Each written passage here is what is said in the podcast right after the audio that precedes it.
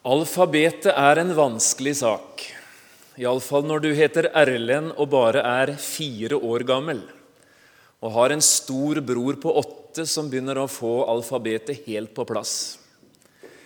Hjemme hos oss var Erlend eh, gutt nummer tre og barn nummer fire i Kørja. Og det var han som strevde med alfabetet. Nå skal du høre fireåringens utgave. Han sto alltid med knytta never og aua igjen. A, B, C, D, E. Q, Mø. V, dobbeltseng. X, heks. Det var Erlend fire år. Det er ikke så lett med Bibelen heller og skal ha på plass 66 skrifter i Bibelen og masse sannheter og ting, liksom, og få dette her til å henge sammen. Faktisk kanskje enda litt mer komplisert enn det med alfabetet når du er bare fire. Det er en strålende anledning å gjøre noe med det ei uke som dette her. Kunne vi få en brikke eller to på plass i det store, store bildet, var dette her utrolig viktig. Det er flott å se dere. Vel møtt til denne tredje kvelden. Veien torsdag. Underveis i går. Hindringer denne kvelden. Det er andre måter å få hjelp på òg enn eh, å gå på bibeluke eller bibelkveld i Salem. Og En av måtene det kan være å gjøre bruk av det, noe, som, noe av det som var nevnt ute i foajeen. Jeg har lyst til å si et bitte lite ord om den saken der. Det er en CD-serie på to cover. Det handler om å bygge en bibelsk karakter. Altså hvordan bli som kristenmenneske, som disippel, slik Gud hadde tenkt det. Vi gjør våre valg, og når vi gjør valg etter hverandre, blir det vaner. Og ettersom vanene setter seg, skapes en karakter. Gode vaner, dårlige vaner. Det blir en karakter ut av det. Eller kanskje karakterløshet. Den programserien eller bibelundervisningsserien på 30 bibelvandringer er et forsøk på å ta fram en hel del bibelske personer som har noe å komme med i den sammenhengen. Dette er til deg som ønsker å bli slik Gud hadde tenkt kristenlivet ditt skulle være. Det er ikke til deg som har fått det til, men det er til deg som trenger hjelp for å komme videre. Det er en av de tinga som ligger der ute. Noen eh, et par bøker som ser sånn ut. 'Fredstanker', 'Forventning', ganske rimelige ting. Under 100 kroner. Og så tema for denne helga her, eller uka her, 'Veien'. Den boka er egentlig skrevet som en artikkelserie med tanke på nye kristne, eller sånne som er på nippet av å ville bli det. Små, enkle ting satt sammen i ni kapitler som et forsøk liksom på starthjelp når det gjelder livsreisa. Det er litt ensformig eh, når det gjelder forfatter og radioprodusent, men det får dere leve med, siden det er meg som er her. En bibeltekst trenger ikke være lang for å være god. Gud trenger ikke bruke mange ord for å få sagt noe som er utrolig viktig. Og Det skal dere øyeblikk få et eksempel på. Men før jeg leser tre korte setninger, ber vi sammen. Og Kan ikke du der du sitter nå, be Jesus inn i din nærhet og si, 'Jesus, snakk til meg nå. Berør meg gjennom ditt ord.' La oss be. Far i himmelen, vi takker for en strålende mulighet å lytte til ditt ord. Og vi vet, Herre, at når du berører oss gjennom ditt ord, kan det mest utrolige skje. Gud, skap i oss et rent hjerte. og bygg i oss en kristen karakter. Og del såpass mye av din nød også med oss at det berører oss ned i hjertedjupet. At det er så utrolig mange mennesker i Stavanger og på Jæren som ikke kjenner deg. Når hindringene møter oss, Herre, hjelp oss å møte dem i Jesu navn. Amen. De tre setningene de står i Bibelens første bok, i kapittel 5 i Første Mosebok, vers 24. Det er et personportrett, og det lyder som følger. Og Enok vandret med Gud. Så ble han borte, for Gud tok han til seg. Klokka er 19. Dette er NRK, og vi får Dagsrevyen. Velkommen til kveldens dagsrevysending. Vi begynner denne sendingen med en etterlysning. Den 365 år gamle Enok Jaredsen er meldt savnet fra sitt hjem siden slutten av siste uke. Han forlot sitt hjem på morgenen sist fredag på vei til jobb. Siden har ingen sett han. Den savnede skal ifølge familien være i god fysisk form, og det foreligger ingen mistanker om noe kriminelt. Opplysninger om den savnede Enok Jaredsen kan gis politisentralen eller nærmeste politimyndighet. Så over til de andre nyhetene denne lørdag kvelden. Kanskje ville det ha lytt omtrent på den måten hvis vi skulle ha kledd disse tre korte setningene fra Bibelen i en innpakning som passer dagens medievirkelighet. For det var akkurat dette som skjedde. Enok vandret med Gud. Så ble han borte, for Gud tok han til seg. Vet du hvor mange begravelser det hadde vært i verden før denne dagen? Én. Adams. Det var bare én person som var savnet i denne verden. Og han døde 930 år gammel. Det kom jo som et sjokk at en ungdom som Enok 365 år, ikke oppe på middagshøyden engang, plutselig skulle bli borte. Men eh, det var det som skjedde. Enok vandret med Gud. Det høres så utrolig enkelt ut. Det høres ut som solskinn sommervær, mild bris, applaus og bare medgang og enkle skritt. Enok vandret med Gud. Så Men bakom den setningen ligger noe som er ganske annerledes enn det enkle og mild brisaktige. Den som reiser gjennom livet, som går den veien Enok gikk, han skal møte én ting hindringer. Den som møter Jesus, møter i alle fall hindringer.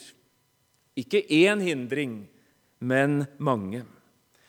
Om det er komplisert å leve et liv uten Jesus, blir det ikke fritt for komplikasjoner om du velger å følge Han. I kveld har jeg lyst til å portrettere en mann som møtte en del av de hindringene som du og jeg bare må innstille oss på at vi kommer til å møte. Men Enok er en strålende personlighet, et glitrende eksempel i Bibelen på at hindringer de er til for å overvinnes. Du skal få en liten bukett av hindringer. En. Fordi Enok vandret med Gud, gikk han mot strømmen. Det går ikke an å vandre med Gud uten å bli en motstrøm, et uregelmessig verb, en som blir lagt merke til ved sin annerledeshet. Og det er vi mennesker i vår tid utrolig redd for. Å skille oss ut, snakke på en måte, stå fram på en måte, hevde synspunkter. Bekjentgjøre en tro som er annerledes enn det vanlige er. Hindringer. Enok vandret med Gud. Derfor gikk han mot strømmen. Tør du gjøre det? Ta til motmæle når diskusjonen går i en bestemt retning. Våge å sette grenser på et etisk punkt der andre lever og tenker grenseløst. Våger å stille spørsmålstegn ved karrierejag og etablering og materialisme og selvopptatthet. Reise en alternativ måte å leve på. Den som våger, kommer til å møte hindringer, motvind og skuldertrekk. Bare prøv. Men Enok vandret med Gud. Jeg har rett og slett gledd meg til å si det går an å leve godt med Gud i vanskelige tider. Det går faktisk an å leve godt med Gud i gode tider òg. Men utrolig nok er det enklere å leve godt med Gud i vanskelige tider. Iallfall hvis vi prøver det. Her i dette området handler fiskeri om sjøen og alt det som er knytta til sjølivet. Kona mi er vokst opp og både født og vokst opp på en liten holme vest av Haugesund som heter Røvær. 100 mennesker har klora seg fast til den øya de siste tiårene. Og befolkningen ble redusert med 1% da jeg gifta meg. Fem røverunger ble resultatet. Og Noen av dere har gått på bilder vet jeg, og møtt enkelte av de. Jeg er vokst opp i Telemark og hadde knapt sett havet før jeg var konfirmert. Ikke så ille, men jeg ante ikke hvordan strøm eksempel, fungerte på havet før jeg kom ut en gang da jeg skulle ro ut og prøve å fiske. Jeg fikk ikke gjøre annet enn å ro, og det ble ingen fisketur, for jeg hadde ikke beregna strøm. jeg hadde egentlig ikke peiling på det. Men å fiske med flue eller tre disse nydelige meitemarkene på en krok, og så slenge det ut i ei lita fjellelv eller sånn, det er jo bare fiskeri. Det er det som er fiske. Faren min lærte meg noe om fiskeri en gang. Han, når du ser en fisk komme drivende nedover Åmotsdalselva, ofte med buken i været så kan du være helt sikker på én ting. Vi hadde sett det nemlig på et lite vann, et lite kjønn, eh, noe tidligere. Du kan være sikker på én ting. Den fisken er enten stein død, eller den er livstruende sjuk. For levende liv er ikke skapt til å ligge med buken i været og drive med strømmen. Levende fisk står imot strømmen, søker oppover, søker mot kilden. Hvis du ikke vet det, kommer du ikke til å lykkes som ørretfisker i elva. Denne dagen lærte faren, meg noe, faren min meg noe, ikke bare om fiskerier, men han lærte meg noe om å leve. levende liv, handler om å stå imot strømmen. Trosse hindringene, utgjøre et himmelropende mindretall. Søke oppover mot kilden, simpelthen fordi jeg vil leve og ikke dø. Å drive med strømmen er snarveien til åndelig død, iallfall til alvorlig åndelig sykdom. Livet vil stå strømmen imot. Som Jesus var et annerledes menneske, kaller han deg og meg til å være det samme. Konformitet dreper kristenliv. Motstrøm fremmer det. Vet du hva Stavanger og Jæren og Norge trenger? Den trenger Golfstrømmen, representert ved levende kristne mennesker som kjenner Gud, og som tør å ta konsekvensen av det. Så ikke havnene med forbindelse inn til menneskers hjerter og tanker og relasjoner fryser til du er kalt til å være en levende golfstrøm i den biten av ishavet der du befinner deg. Tør du være det, tross hindringen? Enok vandret med Gud. Derfor gikk han mot strømmen. Og derfor ble han lagt merke til, kanskje til og med savnet, den dagen han var borte fordi tjenesten var ferdig. Enok vandret med Gud. To. Det betyr at på et eller annet punkt måtte han gjøre et første skritt. Du kommer aldri i gang på en vei. Du kommer aldri i gang med å jogge eller gå uten et første skritt. Og tar du ikke det første skrittet, kommer du aldri i gang. Eh, jeg vet at det er sånn, sjøl om jeg ikke er en eh, særlig aktiv jogger. Det kan dere sikkert se på meg, forresten. Til mitt forsvar, du ser aldri en jogger som smiler. Har du lagt merke til det? Vi tar ikke den diskusjonen, men jeg bor hos Jonny Vågen, og han er en ihuga jogger. Til og med i dag til morgenen var, ute, var, han ute før vi andre spiste frokost. Jeg vet ikke om Jonny smilte da han jogga. Jeg tror ikke han gjorde det. Han smiler mye ellers, men Enhver lang vei eller kort vei har alltid et første skritt. Det er mange mennesker i denne verden som vet noe om veien. Jesusveien. Som har en del begreper om et liv som er annerledes fordi det har med Gud å gjøre, og med Jesus. Og de kjenner inni seg, mange av de, kanskje både en lengsel og en lyst etter å få tak på det livet men de kvier seg for det første skrittet. Noen av de er redd for å hoppe uti det eller skritte inn i det. Og enkelte vet ikke engang hvordan de skal gjøre det. Den store hindringen er å komme i gang. Vi snakker av og til om mennesker, og så sier vi han er veldig nær Gud, sier vi. Han er veldig nær Guds rike. Det er, det er liksom nummeret før han blir en kristen. Mens om andre sier vi de er utrolig langt vekk fra Gud. Har ingen interesse fra det. De er liksom helt fjerne i forhold til det som har med kristendom og kristen tro og kristent liv å gjøre. Ja, hvor langt er egentlig et menneske borte fra Gud? Og lang er den etappen som skal til før et menneske som ikke er en kristen og er kommet i gang på veien, kan bli en kristen og komme i gang.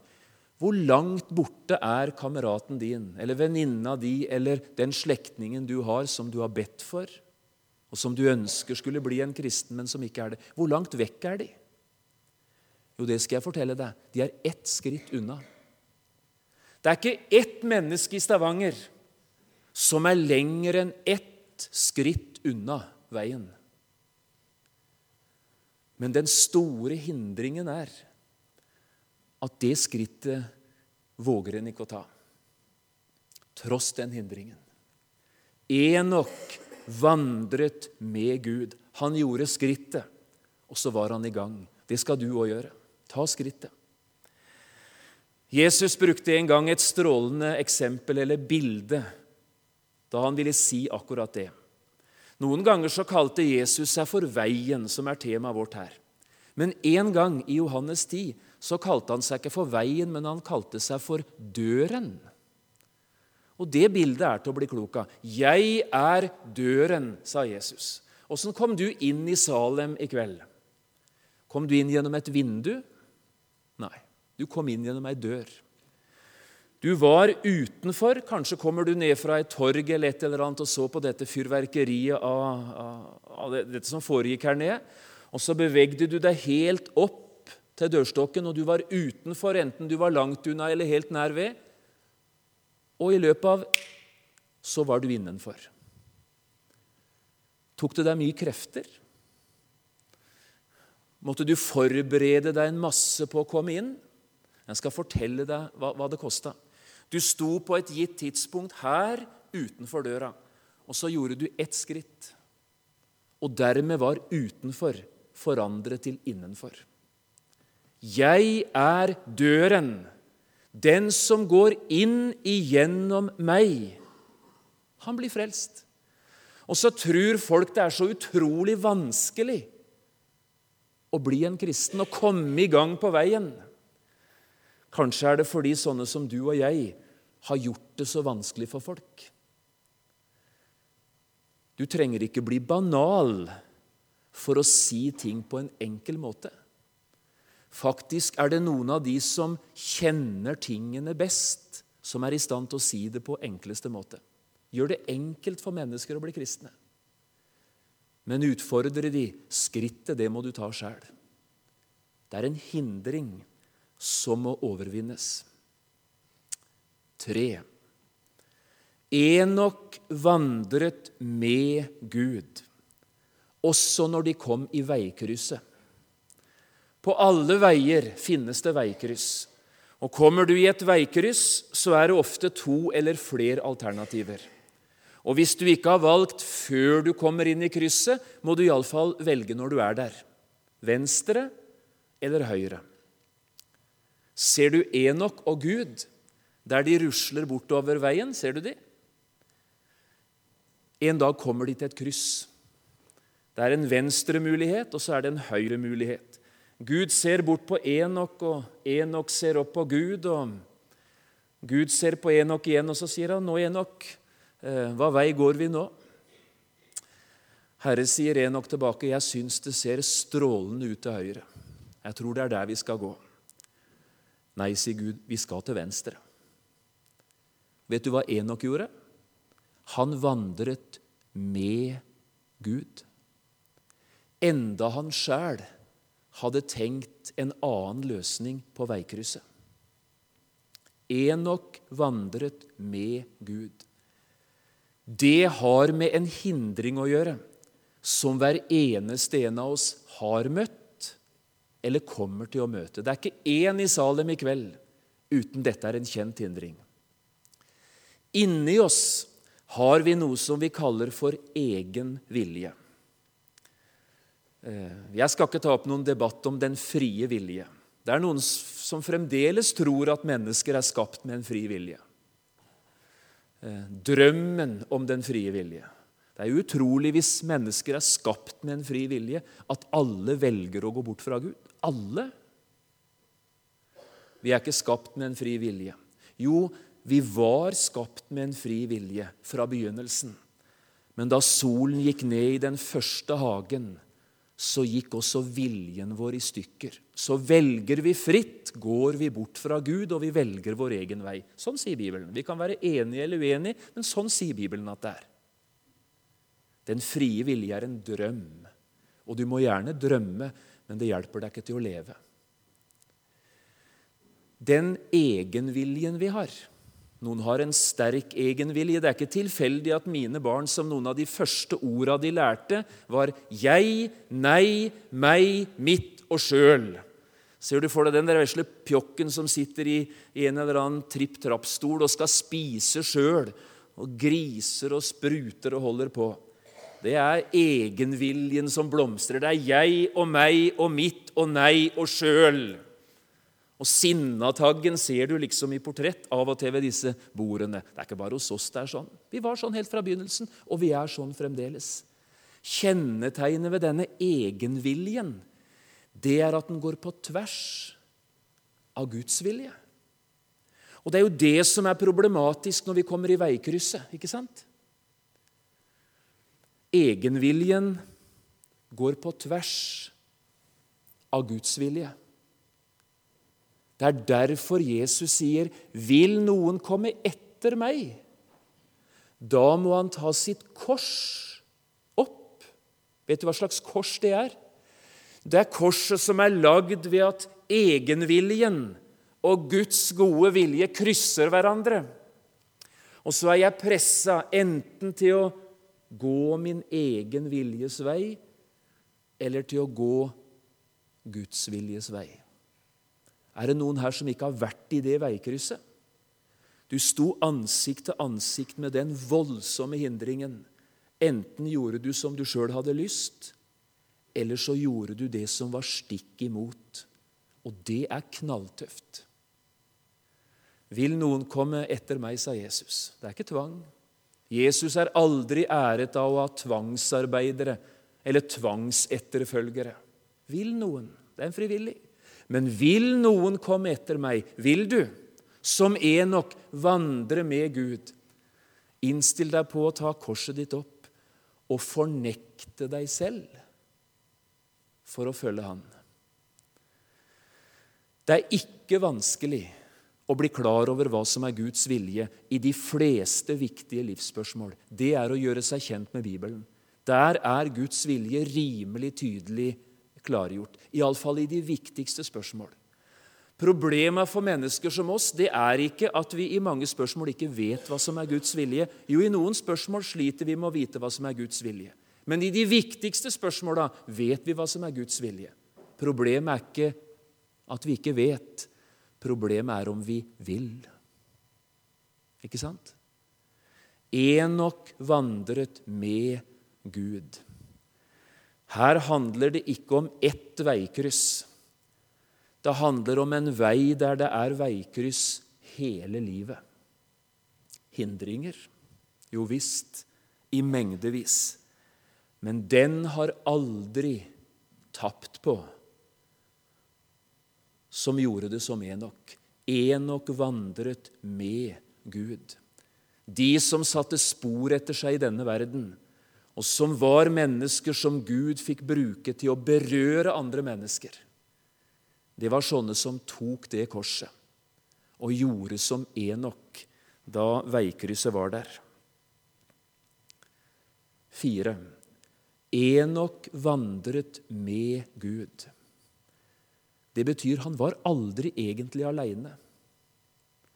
En av de store hindringene for en del som lurer litt på dette der med kristenliv og troens vei og sånt, det er dette der en er redd for å miste venner eller kamerater eller posisjon i miljøet. Blir jeg en kristen, så er det noe som liksom ikke fungerer i relasjoner. Og så er jeg redd for de situasjonene der jeg blir stående helt aleine. Å dra i militær er en sånn klassisk situasjon.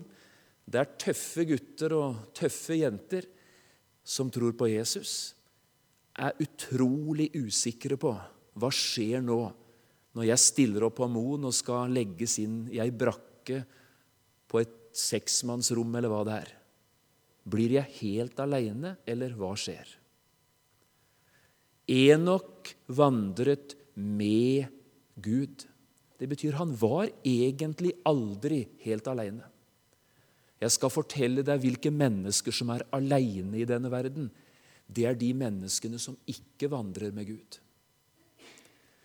Hvis du skal lære hva ensomhet er, og i visse situasjoner stå moen spikk aleine og ikke ha noen å forholde deg til, så skal du bare snu ryggen til Gud og prøve å gå veien aleine. Så skal du etter hvert lære hva ensomhet er, og hva det er å bli aleine ingen å be til, når en av foreldrene dine plutselig blir lagt inn på sykehus med kreftdiagnose eller i et slagtilfelle. Ingen å rope på når den vesle jenta deres, som du og ektefellen fikk for et år siden, plutselig er så alvorlig syk at dere er livredde for å miste henne. Det er den som ikke vandrer med Gud, som får erfare hva det er å være aleine i denne verden. Å vandre med Gud, det er ingen trussel. Det er en fantastisk mulighet. Og ikke la dette som ser ut som en hindring Jeg blir sikkert stående helt aleine. Ikke la det være en hindring fra livet, veien og livsreisa. Du er aldri, aldri aleine. Jeg er med dere alle dager inn til verdens ende. Denne lørdagen og denne helga er intet unntak. Det som ser ut som en stor hindring, er jo egentlig nøkkelen til det største privilegiet. I livet har jeg med Jesus å gjøre. Den dagen jeg skal dø, når ingen andre kan følge meg lenger, når jeg skal over det mørke beltet og inn i det ukjente, og hjertet skal slutte å slå og øyet mitt brister. Når jeg tenker på det, blir jeg bare kald og urolig, til og med når den dagen kommer. Så er det en hyrde som vet ikke bare hva dødsskyggens dal er. Dødsskyggens dal det er så lenge vi er her i livet, når døden kaster skygger innover livet. Dødsskyggens dal møter du ikke i døden, den møter du i livet. Men ved enden av dødsskyggens dal renner kanskje selve dødens elv, og det er den vi må over. Aldri alene. Et fantastisk privilegium. Om jeg kunne leve uten Jesus, hvordan skulle jeg vel dø en gang? synger en sanger. Eh, vi tenker ikke så mye på det i, vår, i deres alder, men jeg kan love du begynner å tenke litt på det etter hvert. Og særlig når det kommer nær inn på familie og inn på livet. Enok vandret med Gud. Det siste er dette. Enok vandret med Gud. Så ble han borte, for Gud tok han til seg. Det er en masse mennesker også i kristne sammenhenger som er redd for evighetstanker. De er redd for tankene på at Jesus skal komme igjen. De har hørt bilder at to skal være i samme seng, to på samme arbeidsplass. Én blir tatt med, og én blir latt tilbake. Og de våger liksom ikke helt å tenke seg sjøl inn i den situasjonen. Den store hindringen, det er liksom dette. Hvis jeg, hvis jeg tenker det der for konkret, så er jeg redd for at jeg må plassere meg sjøl på, på den gærne sida av streken. Hvis du vandrer med Gud, sånn som Enok gjorde, hvis du lukker Jesus inn i ditt liv, så kjenner Jesus sine. Ikke bare navnet ditt kan han, men han veit hvem du er, og hvordan du har det. Og så lenge du er kjent av Han, kommer dagen når Jesus kommer for å hente sine, ikke som et sjokk. Du som tror at Jesu gjenkomst, når Jesus kommer for å hente sine, blir den store katastrofen. Du som nesten ikke tør å tenke på den dagen, for, for du er redd for hva som skjer med deg. Gjør deg kjent med Jesus. Han som står for døren og banker. Lukk han inn.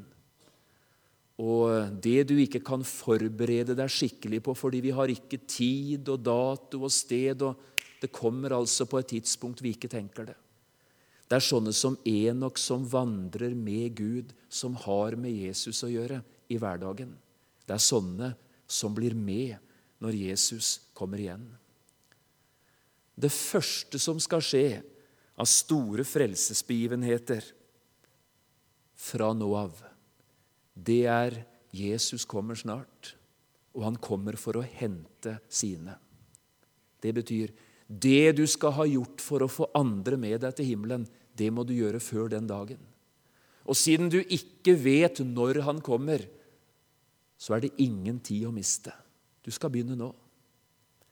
Enok vandret med Gud. Kan dere huske at Enok fikk en sønn? Han het Metusala, eller Metusalem.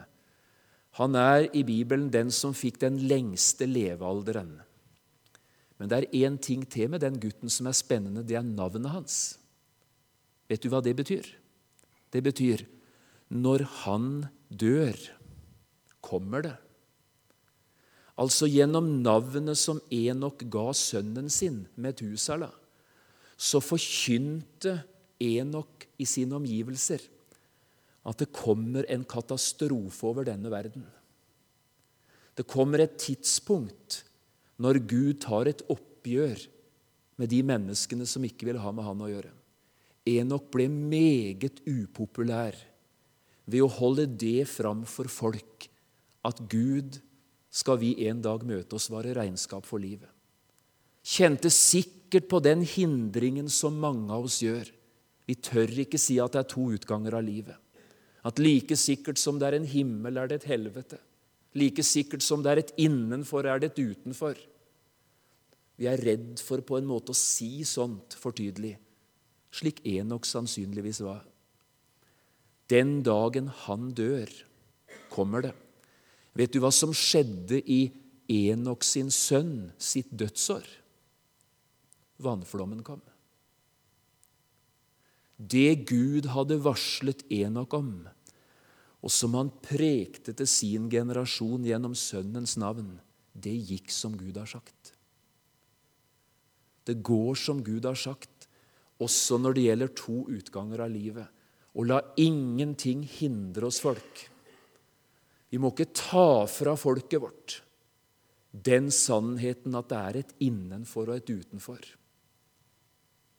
Da bedrar vi medvandrerne våre. Enok vandret med Gud tjenesteveien. Det skulle du og jeg også gjøre. Gud trenger ikke bruke mange ord på å formidle noe viktig.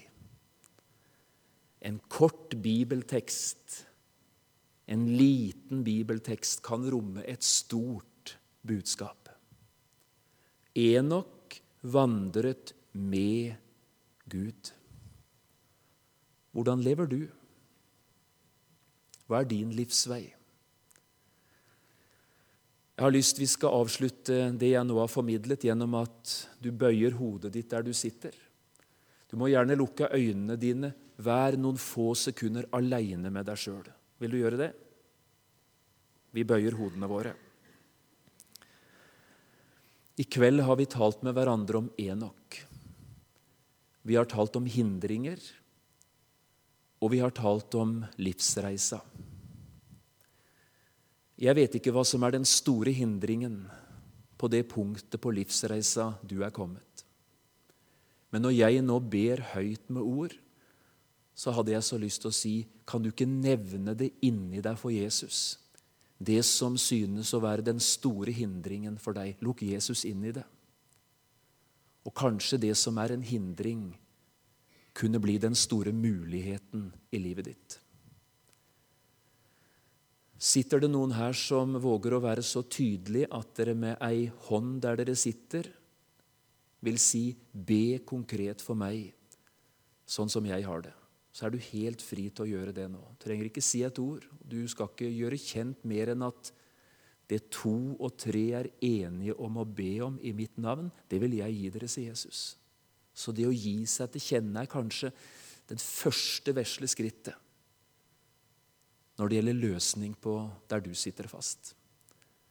Sitter det noen her som syns det var bra å gi seg til kjenne når jeg nå ber, så er du fri til å gjøre det ganske stille.